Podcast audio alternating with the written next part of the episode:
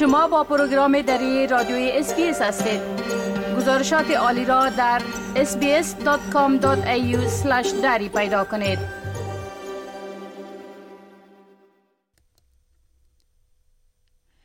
شنوندگان محترم حال با خبرنگار ما برای جنوب آسیا آقای جاوید رستاپور. از طریق تلفن به تماس هستیم که در مورد تازه ترین رویدادها در افغانستان معلومات میتن آقای رستاپور سلام بر شما. خوب اگر در آغاز لطف بکنین و بگوین که اتو گفته شده که در حدود 130 نفر از طالبان پنشیری در پنشیر سلب صلاحیت شدن. در این مورد اگر کمی معلومات بتین که دلیل از چی بود و این خبر چطور است. با سلام وقت شما بخیر. بله امان گونه که شما اشاره کردین منابع گفتن در یک ماه گذشته حدود 135 نفر از نیروهای طالبان که در نهادهای مختلف ویژه در نهادهای امنیتی ولسوالی های پنشیر کار می‌کردن سلب صلاحیت شدن این افراد عمدتا از طالبان بومی پنشیری هستند و پیش از این مولوی قدرتلا و ملا اکرام که مولوی قدرتلا والی بود و ملا اکرام قماندان امنی از حمایت می‌کرد. منابع آگاه گفتند که مولوی قدرتلا از ساکنین پنشیر است و تا آخر ماه سپتامبر به عنوان والی طالبان در پنشیر کار می‌کرد و تمام افرادی که حالا سلب صلاحیت شدند از طرف مولوی یا حمایت می‌شدن و در بخش های مختلف از جمله قماندانی امنیه ولسوال شاروال به همین ترتیب آمریت جنایی ولسوالی ها در پنشیر یا فعالیت داشتند. گفته می شد که دلیل سلب صلاحیت این افراد عدم اعتماد طالبانی است که تازه با پنشیر گماشته شدن و عمدتا از ولایات جنوبی افغانستان هستند از قندهار هستند از المند هستند از ولایت هستند. و به دلیل از اینکه اینا سوی زن دارند با افراد که شاید این طالبان با نیروهای جبهه مقاومت که در برندهای پنشیر قرارگاه ها و پاسگاه ها دارند یا در ارتباط باشند و در نهایت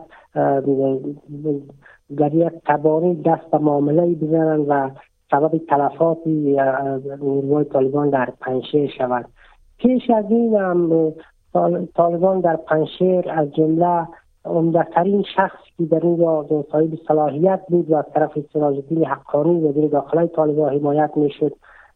آقای خراسانی بود. امیر خراسانی که آمیر جنایی کماندانی امنیه پنشیر بود و او را صلاحیت کردن. حتی چند روز پیش برادری از او را با چهار محافظش به اتهامی از اینکه صلاح قاچاق می‌کنه زندانی ساختن. ولی این مسئله سبب شد که خراسانی پیام صوتی بگذارد در شبکه اجتماعی و شکایت کنند از این وضعیت.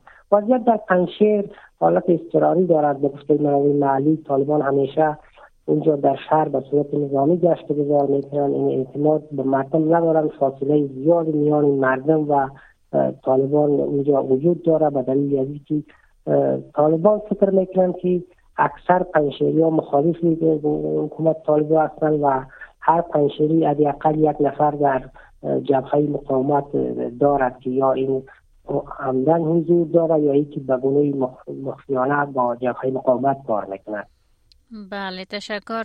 خوب گزارشات روی دست است که گفتن گفته شده یک رسانه آنلاین به دلیل تهدید طالبان. در کابل فعالیت خود متوقف ساخته و گفته شده که این رسانه قدامت کاری بیشتر از ده سال هم داشت چی معلومات در این مورد به شنانده های ما دادن می‌تونین؟ بله خبرگزاری جمهور از رسانه های آنلاین افغانستان از تعطیلی دفترش به دلیل حفظ امنیت و سلامت خبرنگاران و کارکنانش در داخل افغانستان در کابل خبر داده است این خبرگزاری با نشر یک اعلامیه در وبسایت خود نوشت که پس از 13 سال فعالیت مستمر دفتر خود را در کابل بسته می کند.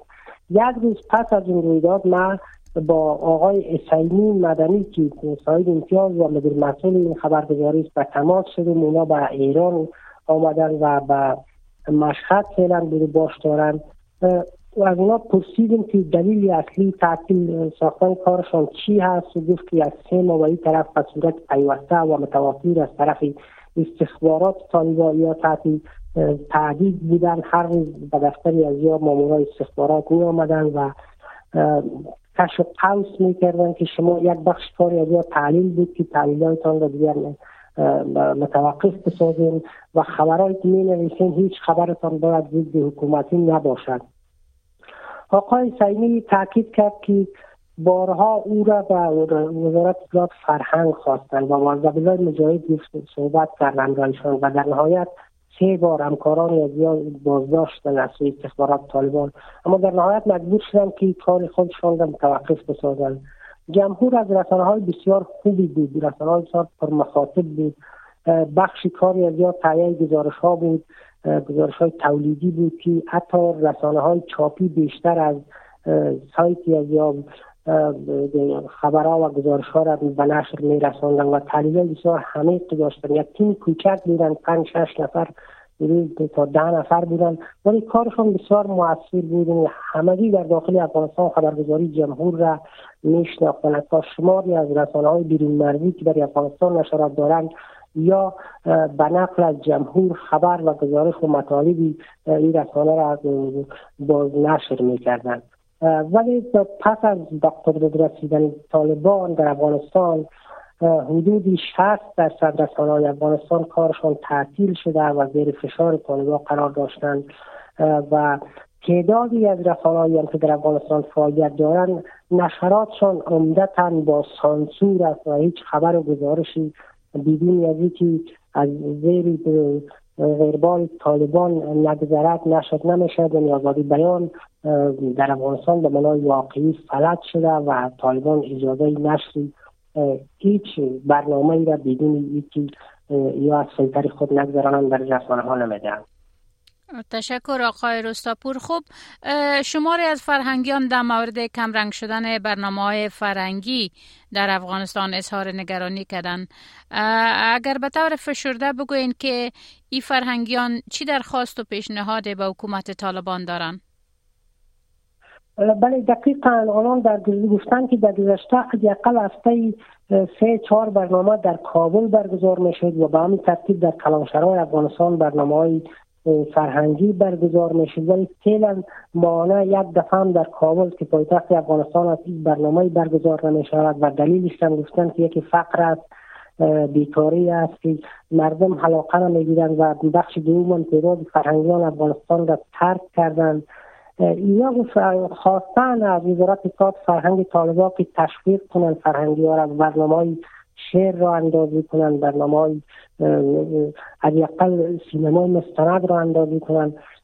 ولی بسیاری از فرهنگیان باورشان این است که خواستن چیزی از اداره طالبان جایی را نمی‌گیرد و دلیل این که بخشی از کار طالبان بخصوص وزارت امر معروف طالبان ضد فرهنگ برنامه ضد فرهنگی دارد موسیقی را به صورت کل منع کرده.